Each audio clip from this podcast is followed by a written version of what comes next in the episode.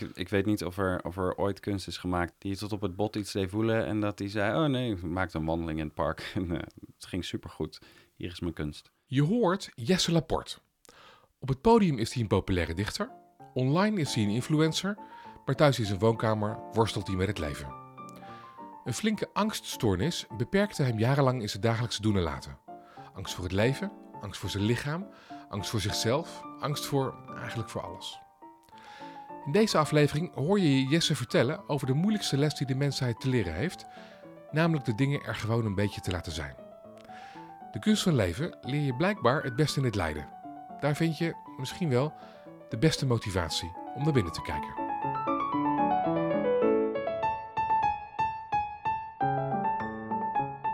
Je luistert naar Podcast Ui. De plek waar we schilfers het leven afpellen en met de snippers van die ui het hele leven op smaak brengen. Mijn naam is Basti Barancini en in elke aflevering praat ik met iemand die naar de hel ging, maar ook weer terugkwam met prachtige levenslessen. Aan hem of haar stel ik de vraag: welk licht vond jij in het donker?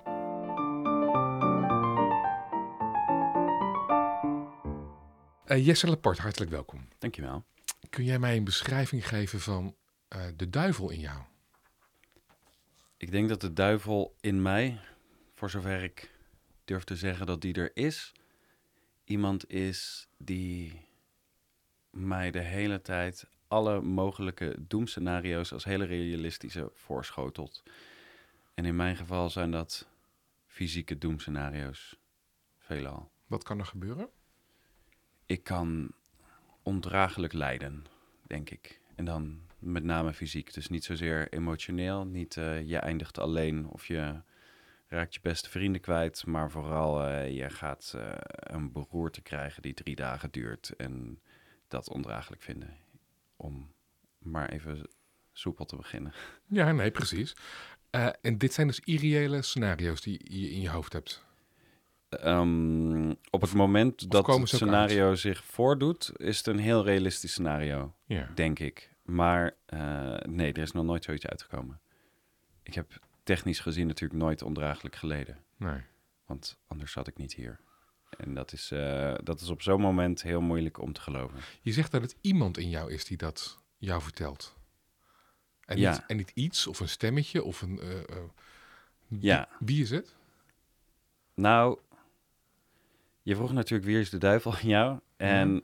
laten we zeggen dat ik me niet helemaal verbind met die stem. Het klinkt, het klinkt in die zin wel redelijk als een, als een soort extern nou ja, figuur, iemand, iets. Uh, in ieder geval niet, niet mijn realistische zelf waar ik op kan vertrouwen. Maar, gewoon maar heb je een idee wie het is? Is het een man, is het een vrouw, jong, oud?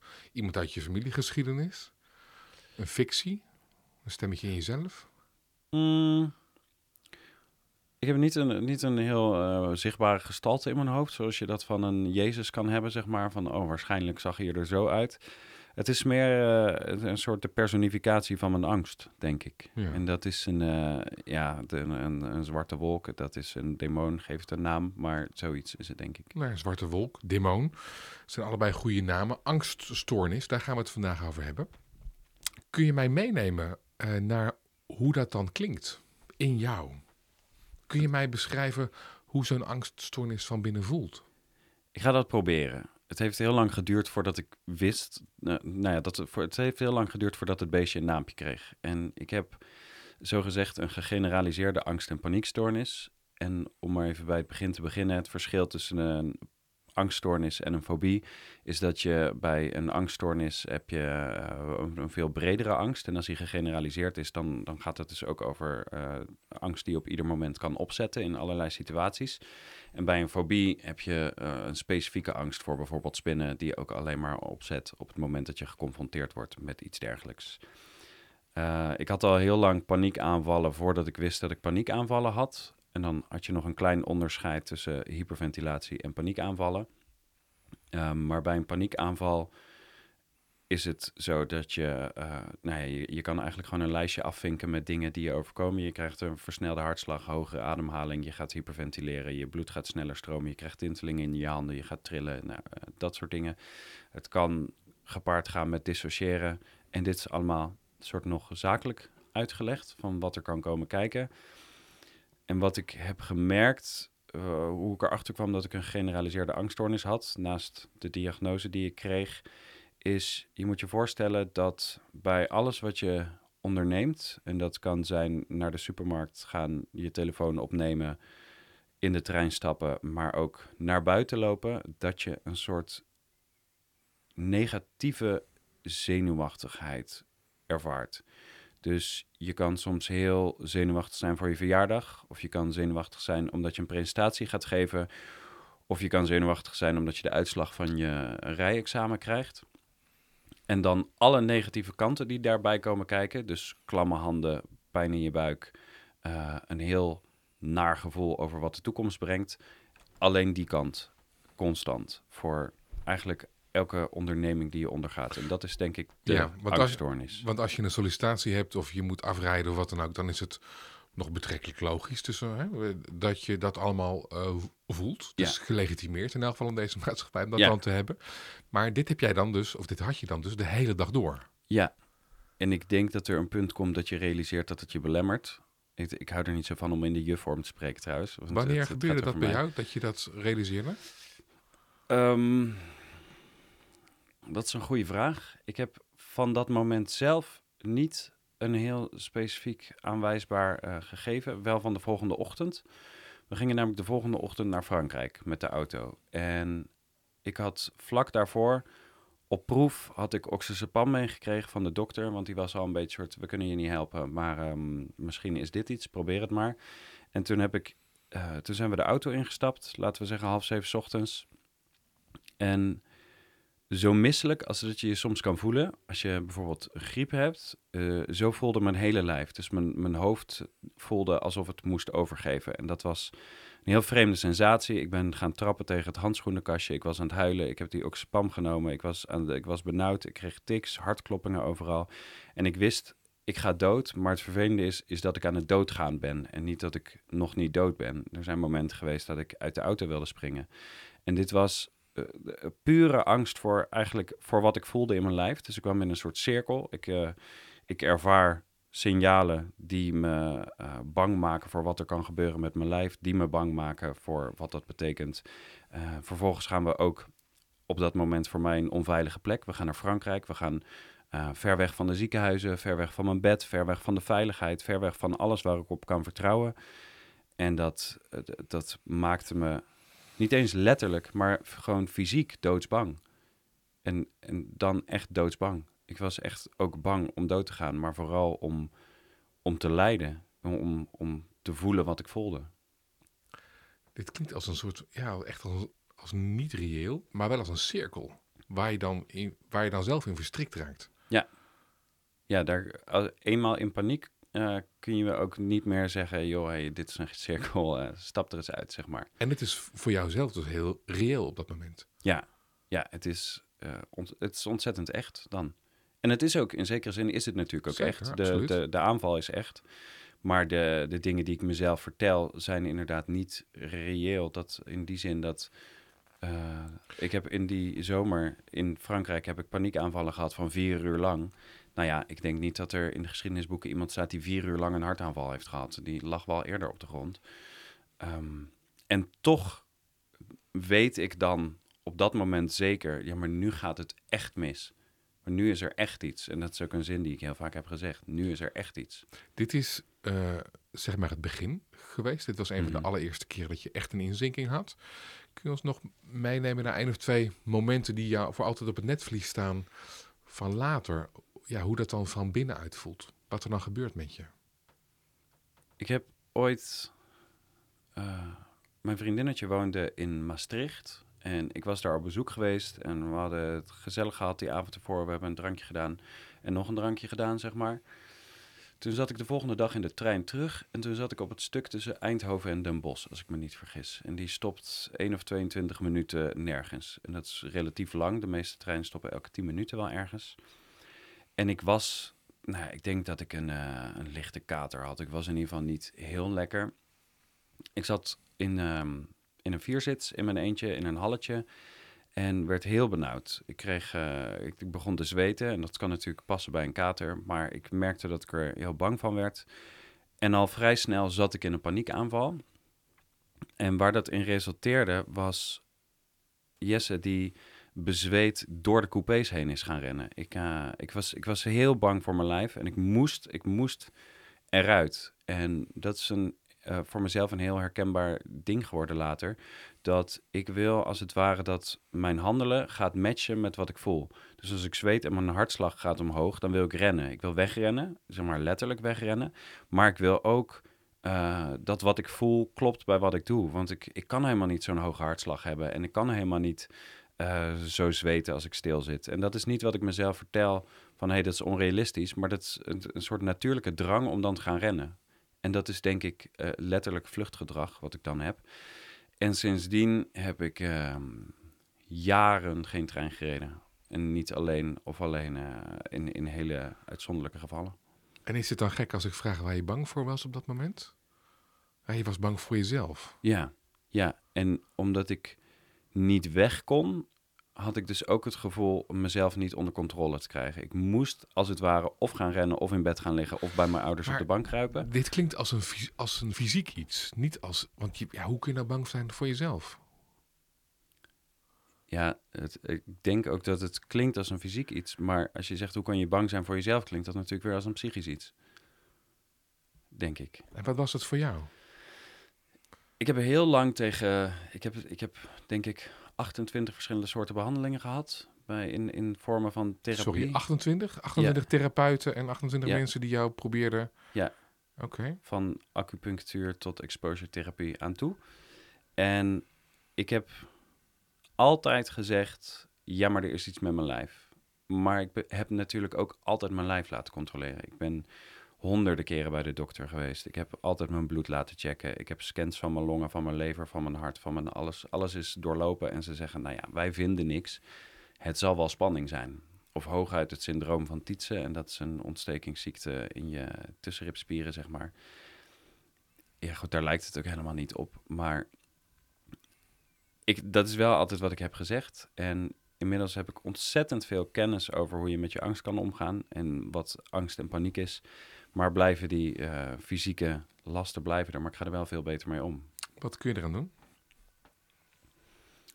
Je kan 28 behandelingen proberen. Ja, maar de, ja, maar de eerste 27 hebben niet geholpen. Nee, nee, nee. correct. Uh, ik denk dat het mij ontzettend heeft geholpen om op een dag mezelf de ruimte te geven uh, dat, dat ik misschien niet hetzelfde functioneer als een ander om, om hetzelfde te kunnen bereiken. Dus dat uh, ben, ben, jij een afwijking op de menselijke soort?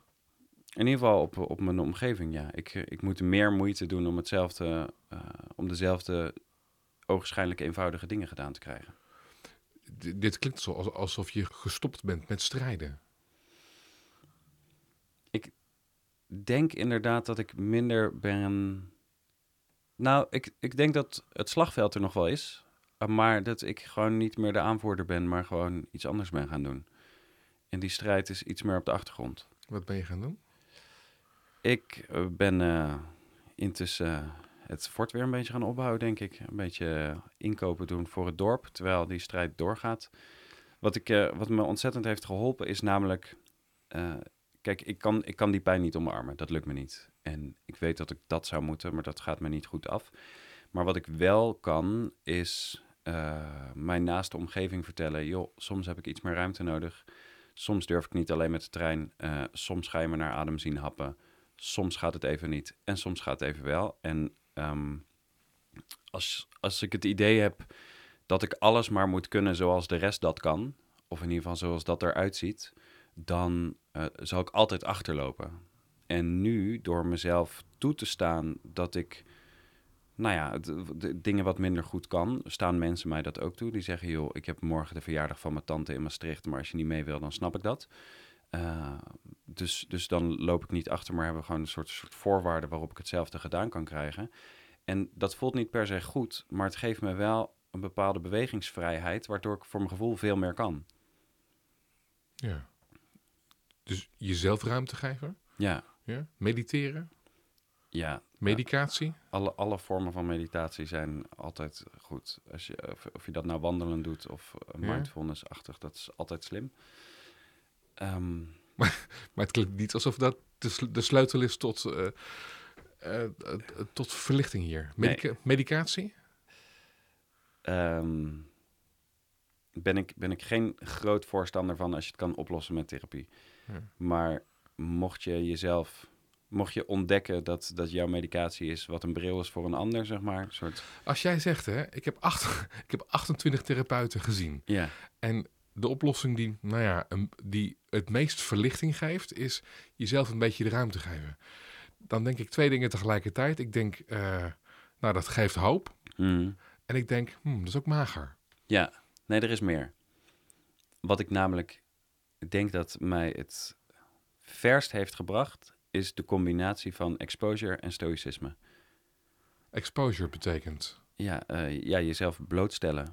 als je bang voor de trein bent, gewoon in de trein gaan zitten. Ja, Ja, dat is gewoon het onder ogen komen. Ja, maar geef jezelf de ruimte. Want ik heb dit jarenlang geoefend. Ja. Ik ben met mijn tante gaan reizen. Ik heb haar ingesteld als treincoach. En we zijn begonnen met de sprinter naar Ede. Die stopt onderweg vier keer. Dat is een ritje van 10 minuten, voor wie dat niet weet. Nou is Ede ook een kutstad, maar goed. Ja, maar ik, ik heb alle intercities aan mijn neus voorbij laten gaan. Ik was doodsbang, trillen, Ja. zweten, paniekaanval in de trein van 10 minuten naar Ede. Het was verschrikkelijk. En nu reis ik in mijn eentje naar Amsterdam. Goed. Eh, exposure, dus het onder ogen komen, het Ja. gewoon aangaan. En stoïcisme? Ja, stoïcisme gaat er in het kort vanuit... Er is wat... eh, oude Griekse stroming, hè? Ja. De, de, de oude filosofen, de stoïcijnen. Ja, je had eh, Marcus Aurelius, Zeno, Epictetus en Seneca met name. En die zeggen, al met al zeggen ze, eh, je hebt wat er is en wat er niet is. Dat, dat is het kort wat ze zeggen. En het meest praktisch wat ze zeggen is, focus je op wat je kan controleren en laat los wat je niet kan controleren. En dan ontdek je dat er zijn een heleboel sensaties, die kun je niet controleren. Er zijn een heleboel gebeurtenissen, er zijn emoties, dat zijn allemaal dingen die je niet onder controle hebt. Eh, zie dat voor wat het is en kies vervolgens je handelen, want dat kun je wel controleren. En dat is eigenlijk op elke situatie van toepassing. Het is denk ik het moeilijkste ter wereld om te beheersen. Want dat klinkt als een, als een, als een enorm rot cliché dit. Maar het kan ook komen dat het gewoon Ja, zo... dat is al 2000 jaar oud. Dat het, ook- ja, precies. Dat Ja. het zo geïntegreerd is in ons denken dat we, het, eh, dat we het ons gewoon enorm eigen gemaakt hebben. Ja, en toch Welke gedachte vind je daarin het meest bijzonder? wijs mij maar eens iemand aan die het kan. Dat denk ik dan wel. Ehm, wat ik... Wat ik Welke spreuk heb je boven je, je bed hangen? Ik heb op de achtergrond van mijn telefoon staan: eh, The Stoic tells himself that although the situation may appear frightening, the true important thing in life is how he chooses to respond. En dat is iets. ehm, ik, ik denk dat daar mindfulness bijvoorbeeld om de hoek komt kijken. Om bij alles wat er gebeurt heel even stil te staan: hoe ga ik reageren? En dat vind ik heel moeilijk. Maar als ik een steek in mijn borst ervaar en ik ben bang dat het een hartaanval is, dan ga ik daar naartoe met mijn hand. Heeft dat zin? Nee. Wordt het daar beter van? Nee. Ga ik mezelf dan als het ware bewijzen dat er iets is? Ja. Dus laat ik niet zo reageren. En heel veel dingen zijn automatisch handelen. En dat duurt jaren voordat je daar een beetje in verandert, denk ik. Maar het helpt me wel. Omdat. Dit gaat ook over, hè, over de kunst van mens zijn. De kunst van het leven. Ja. Is dat moeilijk? Leven? Ja. Ja, ik. ehm, Je zegt alsof, alsof het een stomme vraag is. Oh ja, nee, zo bedoel ik niet. Maar Wa- ja, Wat is ingewikkeld aan het leven? Nou, ik voel me best wel een beetje belazerd, moet ik zeggen. Dat, ehm, Ja, wat had je ervan verwacht? nou ja, als kind heb je een soort, had ik een soort idee van, ik ben nu kind en nu ben ik aan het spelen en straks ben ik volwassen en dan gaat het goed.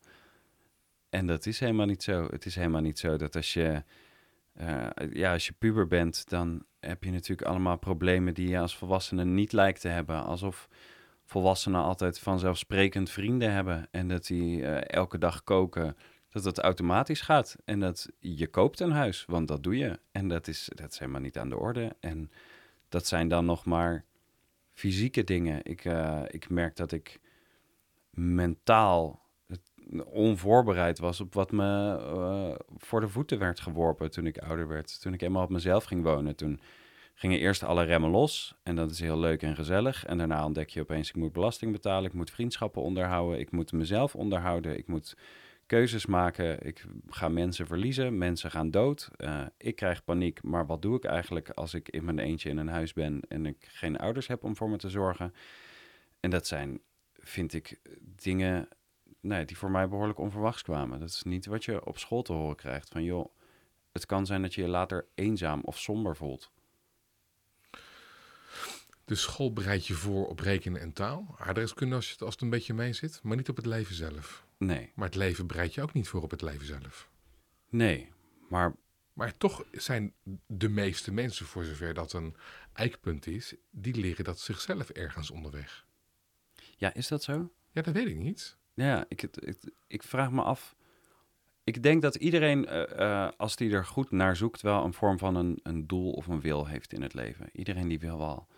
Uiteindelijk wil die wel iets. En ik zie veel levens waarvan ik denk, nou, ik kan me niet voorstellen dat dit is wat je wilde, maar je leeft en je hebt geld. En misschien denk je dat dat is wat je wil. Dat kan ook. Als je daar tevreden mee bent, dan ben je daar tevreden mee. Maar Maar jij noemt een aantal dingen op waarvan ik denk, ja, maar dat is, dat ga je gewoon doen. Ja, je moet belasting betalen, bel je een boekhouder. Of je moet, hè, je hebt twee dagen honger, dan ga je maar jezelf leren koken. In het begin nog een beetje eh, bero- beroerde dingen, maar later ga je ook gezonde dingen voor jezelf eh, koken. Ja. En dat zijn dan nog de, de dingen die je inderdaad op den duur wel oplost. Als je de juiste mensen om je heen hebt die je dat vertellen. Het zijn natuurlijk ook gewoon Waar heb je- 40% van de mensen die ongezond eten. Die zitten dan ook nog eens in een milieu waarin ze niet wordt verteld dat je groenten moet klaarmaken. Laat staan wat er gebeurt als zij somber zijn. Bijvoorbeeld. Waar heb je de meeste moeite mee? Als het gaat om leven. Ik denk dat ik het... Nou ja, dan komen we denk ik toch weer op ruimte geven aan mezelf. En dat heeft denk ik heel grotendeels ook te maken met een sociaal aspect. Dat ik eh, heel lang niet echt scheid heb gehad aan, aan wat het betekent hoe ik me voel op de buitenwereld. Want eh, op het moment dat ik mezelf niet toesta dat ik, dat ik af en toe tics heb of gespannen ben of wegloop, omdat ik bang ben voor wat anderen ervan vinden, dan is dat toch geen leven. En dat is wel wat er heel lang is gebeurd, denk ik. En ik denk dat, eh, tuurlijk zijn alle clichés van just be yourself hartstikke leuk, maar pas het maar eens toe in de praktijk. Van, heb maar eens echt scheid. Trek je maar eens wel echt niks aan van wat voor invloed het heeft dat jij al je emotie er laat zijn omdat je bang bent. En dat, dat, is, dat is tering moeilijk. En ik denk wel dat ik die kunst in ieder geval steeds beter versta. En als je het nu niet begrijpt, vind ik dat veel minder erg. In aflevering 23 zat Noël Barnhoorn. Eh, en zij zegt: Het leven gaat ons dwars zitten als wij mensen te lang een andere melodie spelen dan de melodie die onze ziel voor ons in petto heeft. En met andere woorden, ga je je eigen melodie spelen in plaats van die je ego geconstrueerd heeft of wat de maatschappij van jou verwacht. En de worsteling zal afnemen. Zo. Herken je dat? Zei ze dat uit haar hoofd? Eh, ja, ik, ik denk dat dat in de buurt komt van wat ik ook probeerde te zeggen, ja. Wat is jouw lied in het leven? Want daar ben je dus steeds meer achter aan het komen. Ja. Ehm, uiteindelijk merk ik dat ik er heel gelukkig van word als ik andere mensen gelukkig maak. En dat kan ik door, eh, doen door het inzetten van wat ik denk dat mijn talenten zijn. En ik denk dat ik... Ja, maar heel- dat hebben een heleboel mensen. We hebben het er net over gehad Ja, dat jij een soort van afwijkt van de meeste mensen. ja, Dat jij dus anders bedraad bent in jezelf. ja. Dus ja, wel- maar ik heb wel de, de, de gewone mensenbehoeftes, zeg maar. Mhm. Ik, eh, ik, wat, ik, wat ik goed kan is op een podium staan. Ik kan goed mensen geruststellen en ik kan heel goed met kinderen. En ik merk dat dat dingen zijn waar ik voor de rest van mijn leven achteraan wil. Maar dat die met de nodige... t- Iemand die op een podium wil staan, heeft, is er niet, is er niet bepaald gebaat bij een paniekstoornis. En eh, ik ga dat wel doen. Eh, toen we nog eh, avondklokken hadden, Mhm. eh, toen schreef jij op Instagram... eh, wat dacht je van, als niemand nu naar buiten kan... we dan voortaan maar bij onszelf naar binnen gaan. Mhm. Hoe doe jij dat, zelfonderzoek? Er is een moment geweest in de afgelopen vijf jaar, denk ik. Ik durf niet te zeggen welk moment het precies was. Dat ik ontdekte dat het eh, heel veel vrijheid geeft om eh, dom te durven zijn Mhm. en om flexibel te blijven. Dus als iemand jou vertelt, hey, voortaan zeggen we die en dienst in plaats van hij of zij, dat je in plaats van je daartegen te verzetten, een soort kijkt van oké, laten we zien of ik dat kan en hoe dat dan moet. En eh, dom zijn in de zin, het is heel makkelijk, misschien zeker als man, als iemand naast je in de auto zegt van ja, dit is de cabareteur en dat je geen idee waar het over gaat. En zo ja, oh ja, is zo. En dat ik ben gewoon begonnen met vragen stellen en ontdek daardoor zoveel meer over mezelf en anderen. Door gewoon te zeggen, joh, hoe zie jij dat dan? Wat denk jij dan over mij? En hoe, hoe, hoe zou ik dit dan moeten aanpakken? En wat, wat moet ik eigenlijk zeggen op zo'n moment? En gewoon, ja, het is, ik vind het helemaal niet meer gênant om zo'n vraag te stellen. Als je naar jouw jeugd kijkt, hè, toen, jij, Mhm. toen jij jong was, eh, zijn er dan al vooruitwerpingen naar die angststoornis? Of hoe je leven er nu uitziet? Ik denk dat ik allereerst heel erg op mijn moeder lijk. Die, eh, die veel emoties heeft die ook in de buurt komen van, eh, van angst en schuldgevoel en somberte. En die met mij deelde. En ik dacht toen, oh wat cool, ik praat met volwassenen en ik snap jou. En je zou kunnen zeggen dat ik daardoor misschien die emoties snel leerde kennen. Eh, Die niet van jou waren? ja. En die zelf misschien vorm ben gegeven, dat durf ik niet goed te zeggen. En fysiek overkwam mij veel dat meteen eh, een graadje erger was dan gebruikelijk. Dus ik, eh, ik, ik werd een keer verkouden en toen was het kinkhoest. En ik had een keer buikpijn en toen was het een acute blinde darmontsteking waar ik bijna aan dood ging. En ik kreeg een oorontsteking en dat werd een, een dubbel gat in mijn trommelvlies wat er 15 jaar heeft gezeten. En Dat is ook steeds het ergste van het ergste. ja, mijn, in, in die zin had ik denk ik niet per se angsten, maar het ergste kwam wel uit. Soort van. Het, in, in ieder geval een heel erg scenario. Dat hielp allemaal niet dus. En je vader? Hele stabiele en rustige man. ja, daar kan ik dit allemaal niet van hebben. Ja. Nee. Was er ruimte voor zwakte? Was er ruimte voor falen? Ja, dat denk ik wel. Ik ben in die zin denk ik heel rijk opgegroeid, maar in de regel ook in een gezin met vijf kinderen. En ik heb wel vaak het gevoel gehad, onterecht denk ik, te moeten vechten voor aandacht. Ik wilde denk ik gewoon nog meer gezien worden, Ja. terwijl ik al met de gewerkende kracht echt wel ontzettend gezien werd. Ja, maar goed, daarvoor je ook op het podium. Nu. Ja. Dus, maar dat heeft niet zo met angst te maken, denk ik. Nee, maar eh, ik, ik was wel bang niet gezien te worden. Dus zeg maar, ondanks dat ik Ja. ruimte genoeg had, probeerde ik meer ruimte in te nemen. Was de dood dichtbij vroeger voor jou? Nee. Dat speelde weinig rol. Bijna niet. Ik Ja. weet nog dat ik het op de middelbare school jammer vond dat ik niet een opa of oma had verloren, omdat iedereen begreep wat dat was en ik niet. Wat heel gek is, maar een soort dezelfde wens als een blokjesbeugel willen hebben. Een soort, ja, wist ik maar waar jullie het over hadden. Eh, maar mijn eerste eh, opa die overleed, toen was ik 18. Eh, jij bent kunstenaar. Jij bent dichter. Ehm, welke kunst helpt jou om, om rust te vinden? Of om liefde te vinden als je het moeilijk hebt? Ik haal. Ja, dat klinkt toch kaziger dan ik zou willen. Ik realiseer me nu dat ik eigenlijk best wel veel rust haal uit poëzie. Ik lees helemaal niet graag. Welke poëzie? Nou, laatst een gedicht van Toon Tellige gelezen dat me raakte in de boekwinkel. En dat eindigt met zoiets als, eh, hij, hij, zegt, eh, ja, hij zegt, je gaat de rivier overzwemmen en dat gaat je moeite kosten en je krijgt verzuurde benen en het, het gaat verschrikkelijk zijn en je staat nog aan deze kant.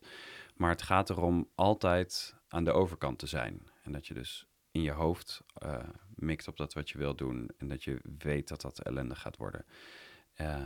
En dat gaf me op dat moment een soort emotioneel, maar heel prettig gevoel. Om, ook, ook omdat het herkenbaarheid is. Ik sta in een enorme boekwinkel en er is gewoon iemand die verwoordt wat ik ook wil verwoorden en wat ik voel. Dus dat kan me op zo'n moment heel erg helpen. Ehm, Poëzie dus? Ja. Muziek? Muziek?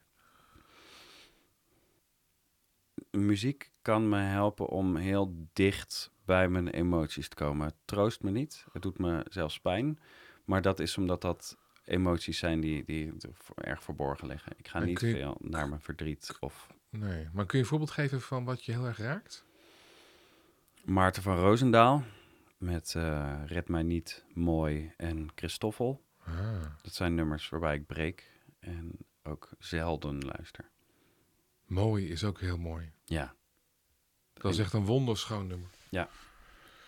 En ik weet ook niet inhoudelijk waarom me dat zo raakt. Maar dat is voor mij ultieme schoonheid, dat nummer. Ik, eh, inclusief ook het, het optreden dat hij erbij geeft.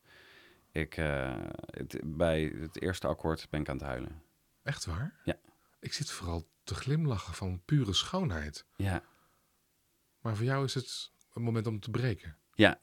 ja, misschien dat er ook van alles bij komt kijken. Dat, dat hij overleed, dat, dat de, de tijd waarin ik het leerde kennen, de relatie die ik toen had, dat soort dingen wellicht. Maar eh, De tijd speelt mee. Eh, ja. voor, voor de luisteraars die het niet kennen, ik zal een linkje in de show notes ehm, ehm, opnemen naar eh, bijvoorbeeld YouTube. Ehm Red mij niet, heb je zelfs een tatoeage van. ja, correct. Ja. Waarom is dat zo belangrijk voor je? Ik denk dat op het moment dat ik dit lied leerde kennen en het door merg en been ging, dat ik het alleen maar zelf kan doen. Eh, ongeacht alles wat je me aan de voeten werpt aan, aan leuke theorieën en therapieën. Maar tegelijkertijd wil ik dat niet zien. En vind dat heel moeilijk. En ik heb ook een soort uitgestoken hand naar de wereld. Red maar alsjeblieft wel als jij de oplossing hebt. Eh, en dat gaat niet gebeuren. Ik ga zelf daarvoor dingen moeten ondergaan. Maar dat is ook de reden dat hij op mijn rug staat. Eh, Ik- Zodat je... zodat ik het niet zie. Ik weet het wel. Maar ik hoop er eigenlijk... Ik, ik hoop het echt te vinden op een dag. Want ik, eh, ik durf nog niet helemaal alleen staan. Kunst en lijden. Ik was daarover aan het nadenken. Eh, en ik dacht, ja, ik kan wel met Shakespeare aankomen, maar ik hou het iets dichter bij huis. H.J. Schimmel, eh, een dichter uit de 19e eeuw, ik weet niet of jij hem kent, die schreef: Liefde kweekt bloemen in het hart, lijden wiet er het onkruid tussenuit. Liefde kweekt bloemen in het hart, lijden wiet er het onkruid tussenuit. Heb jij het idee dat jouw lijden nut heeft? Mm. Met terugwerkende kracht misschien wel. Maar Want? eh, nou ja, ik denk dat ik er heel veel van heb geleerd. Over, over wie ik ben. En in empathie ook. Ik denk dat ik een Want, dat, want wat heeft het je opgeleverd? Ehm, als, ik, als ik niet zo had geleden als dat ik heb gedaan, dan... De, ja, de- de- toen ik jong was, ging het me allemaal voor de wind. En ik deed, eh, ik deed audities, castings voor, voor grote bedrijven. En Je dat, was een mooie jongen, je was slim. ja, Ja. het, dat zat allemaal mee. Ik acteerde, ik deed VWO. Ehm, ik, ik werd gebeld door MTV of ik in een sportje wilde spelen. Eh, en ik was arrogant en was op die tour gebleven, denk ik. Als ik niet onwijs... Enorm arrogante lul geworden. Ja, absoluut. Ja. En dat, dat was zo doorgegaan als ik niet gewoon getackeld was door mezelf. Dus het heeft je eh, in die zin wat nederig gemaakt? Absoluut. Naar het Ja. leven of naar andere mensen? Eh, vooral naar andere mensen, denk ik. Ik denk dat ik het leven gewoon iets realistischer ben gaan zien. Van, oh, dat, dit is ook leven en dat hoort erbij. Maar naar andere mensen dat ik opeens veel beter begrijp. Joh, eh, ik, dat is niet de buitenkant. Of je bent niet je buitenkant. Of Wat? zo. Iets in die trant. Wat is jouw mantra in het leven? Eh, mijn mantra is wees geen lul. En dat is denk ik altijd een, een keuze die je kan maken. ja, Dat is in beginsel een heel goed mantra. ja, Ja. ja, en ik... eh, Kost je dat moeite om geen lul te zijn? Ja, dat heeft wel eh, de nodige jaren gekost, ja. Ja. Ja. En nu ben ik soms nog steeds een lul, maar dan vind ik dat zeer terecht. ben ik een lul tegen mensen die een lul zijn, zeg maar. Wat heeft het je nog meer opgeleverd? Het heeft je ook, ik kan me zo voorstellen, gewoon heel veel zelfkennis opgeleverd. Dat kan toch niet anders? Eh, ik durf niet heel concreet te zeggen, dus dit ben ik nu, zeg maar. Of, Mhm. of zo steekt Jesse in elkaar, dus. Maar ik ontdek wel dat ik, nou ja, bijvoorbeeld eh, heel goed kan verwoorden wat er bij mij gebeurt, zodat anderen daar herkenning in vinden. En ik merk dat dat anderen wel een soort troost kan bieden. Ik kan heel goed eh, aan een ander vertellen wat ik aan mezelf niet altijd verteld krijg, bijvoorbeeld. Van hoe, wat, wat helpt of wat troost biedt of wat je ervaart. En eh, dat is ook wel een dankbare rol. Ik heb, ik heb natuurlijk ook teksten geschreven die mensen op hun lijf tatoeëren als, als een soort permanente reminder aan, aan, aan een les die ik heb geleerd. En ik probeer, Echt waar? ja, ik denk, Het is heel bijzonder dat mensen op hun lichaam schrijven wat jij bedenkt. ja, Dat is nu zo'n 30 keer gebeurd, denk ik. En dat is heel bijzonder. oh Eh, jeetje. ja, en dat zijn dus lessen die ik heb geleerd en geprobeerd om te, heb om te zetten in, in een soort universele, nou ja, quote. Wat voor teksten zijn dat? Of kun je een voorbeeld geven van een zin die dan op ergens nu door de Kalverstraat loopt? Eh, nou, deze week is eh, ik ben mijn eigen mental health op iemands lijf gezet. En dan held met een D. Mhm. Ehm, er loopt een meisje in Arnhem rond, die heeft er drie. En de eentje is eh, maak van loslaten een houvast. En de ander is alleen er doorheen kom je er overheen. En de derde is denk ik in het ergste geval komt alles goed. Eh, dat soort teksten. En dan, laat ze je dat weten. Ja. Dan taggen ze je op Instagram, want Ja. zo werkt dat nu. Ja, ja, zo gaat dat. En wat doet dat met jou? Ik eh, vind het heel ongemakkelijk. Want ik ben ook gewoon bang een keer door de mand te vallen. Of bang dat die tekst toch eigenlijk niet zo goed is. Of dat ik er niet meer achter sta. Of dat het... Ja, want Ja. wat doe je nou als je, als je de tekst wil, up, wil ja, ja, precies. graden? Ja. Ja.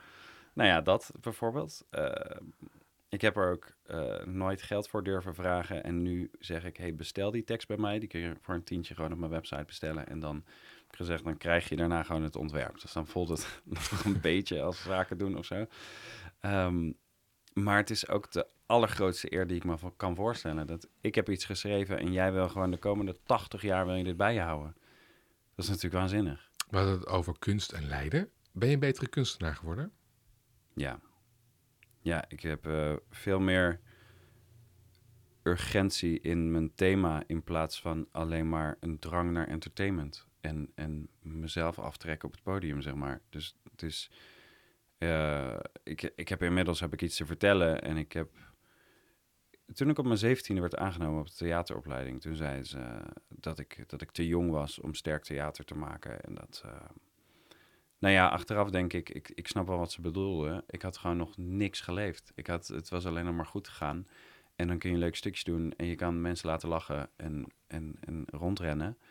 Maar je weet niks. Je hebt, je hebt heel weinig te vertellen eigenlijk. En sommige mensen worden vroeger volwassen en sommige later. En ik heb nu wel hele lelijke kanten van het leven gezien. En daar ook niet meer bij willen zijn. En waar je dus ook iets over kunt vertellen. Het gaat nu beter met jou. Ja. Ja, wat doet, het, wat doet dat dan met de kunst? Ik merk dat ik soms, als ik vind dat ik moet creëren eh, en het gaat goed, dat ik een, een klein stukje urgentie mis. Of in ieder geval in het, in het al bekende thema. Het, het, het leven zal zijn, zijn lijden wel weer aan mijn voeten werpen. Dus wat ze zeggen is gewoon echt, dat lijkt dan echt waar te zijn. Dat voor goede kunst moet je lijden. Ik kan dat niet ontkrachten. Nog. Ik, ik weet niet of er, of er ooit kunst is gemaakt die, die je... Niet tot- voortkomt uit Ja, pijn. Ja, die je tot op het bot iets deed voelen en dat die zei, oh nee, ik maakte een wandeling in het park en eh, het ging supergoed. Hier is mijn kunst. Ja, dat betwijfel ik. En wat vinden we daarvan? Treurig, misschien. Maar anderzijds, die quote eh, van, van Schimmel was het. Ja? Liefde, planten, bloemen en lijden, die kruidt het onwiet. het onkruid, ja? het onkruid. Ja, zo is het misschien ook. Eh, je, dat doet een beetje pijn. Daarvoor moet je gaten maken tussen de tegels. Eh, maar vervolgens kun je wel de schoonheid zien. Misschien is het zoiets. Ja. Maar goede kunst helpt ons om anders naar de wereld te kijken. Ja, En daarvoor moet je er zelf ook zijn of zijn geweest. ja. Nou ja, misschien is het ook een beetje die, eh, die catharsis die je op het podium ziet. Of, of in een gedicht leest of in een lied hoort. Dat iemand lijdt alvast voor jou, zodat jij je dat kan voorstellen. Of het kan herkennen. Een van die twee gaat waarschijnlijk gebeuren. En dan, eh, dan hoef je niet het lijden zelf nog een keer door, maar dan kun jij zien hoe iemand dat, eh, dat onkruid gewied heeft. En dat is misschien wat het is. Ik keek op jouw eh, Instagram weer.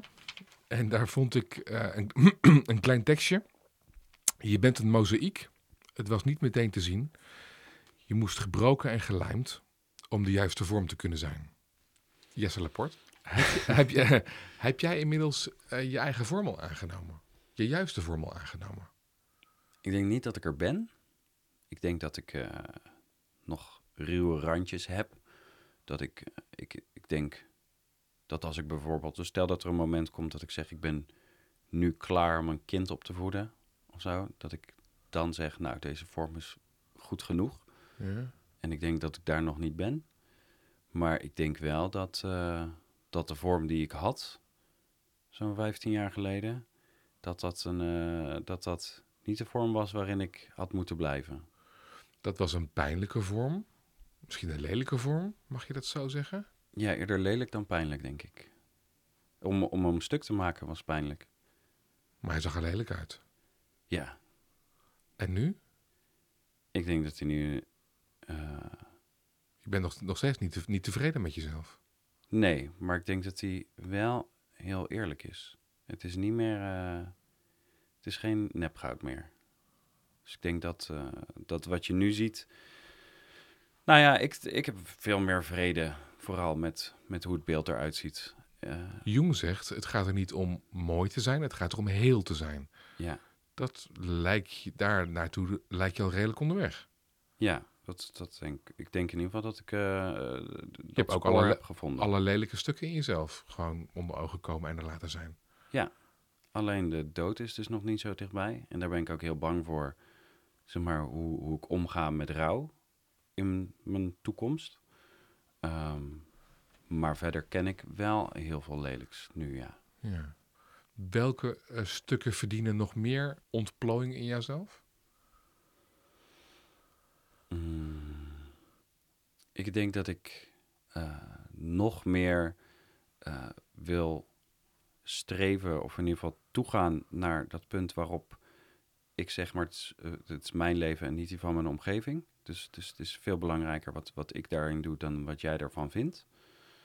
Ehm, en bepaalde emoties toestaan. Ik sta niet gauw verdriet toe, bijvoorbeeld. En ik denk dat wat ik nu met angst heb gedaan de afgelopen jaren, soort dan maar meenemen dat je er bent en, en daar werk van maken, dat ik dat eh, bij al mijn emoties zou willen proberen. En deze is nu gewoon het meest op de voorgrond geweest en heeft de meeste aandacht gevraagd. En zegt, eh, ja weet je, waar je ook heen gaat, ik ga toch wel mee.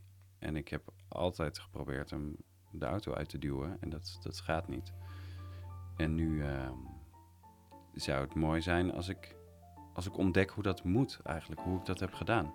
Op de vraag eh, welk deel je in jezelf nog wat meer zou kunnen eh, ontplooien, nog wat meer zou kunnen ontvouwen. ehm, zou het kunnen dat daar ooit nog een keer het antwoord genieten op gegeven wordt? Of is dat gewoon in deze incarnatie niet voor je weggelegd? Dat is misschien wel een confronterende vraag. Ehm, het voelt in ieder geval alsof ik daar nog lang niet ben. Dat, eh, dat voelt als hetzelfde straatje gelukkig zijn.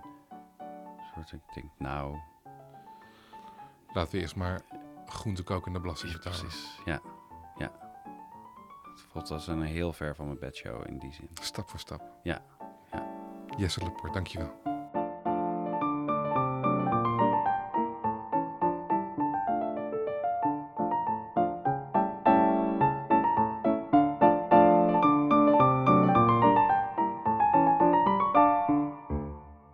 Dankjewel, fijn dat je luisterde naar deze aflevering met Jesse Laporte. Als je meer wil weten over zijn poëzie, kijk dan op jesselaporte.nl of check Instagram. Als je deze podcast nou tof vindt, mag ik jou dan vragen om een recensie achter te laten. Bijvoorbeeld via Apple of LinkedIn. Eh, SMCOH, ik weet niet waar het voor staat, maar die schrijft bijvoorbeeld... Wat een prachtige gesprekken, stuk voor stuk juweeltjes. Basti heeft de moed om door te vragen en de antwoorden de ruimte te geven. Heerlijk. Nou, daar ben ik heel erg blij mee. Eh, SMCOH, voel je je vrij om net als deze meneer of mevrouw lieve woorden achter te laten. Daarmee help je het luisterbereik van deze podcast verder te vergroten. Volgende week is alweer de laatste aflevering van dit seizoen. Dan hoor je Jorge Chito. Hij was stevig aan de drugs, verkocht zijn lichaam voor geld en toen pleegde hij een moord. In de volgende zes seconden ligt hij een tipje van de sluier van de werkelijke oorzaak van wat er gebeurde. Dus zei ik ook altijd tegen mezelf van ja, als je echt de moeder niet van je kan houden, wie gaat het dan wel kunnen? Goed, moordenaar Jorge dus hoor je volgende week. Tot dan!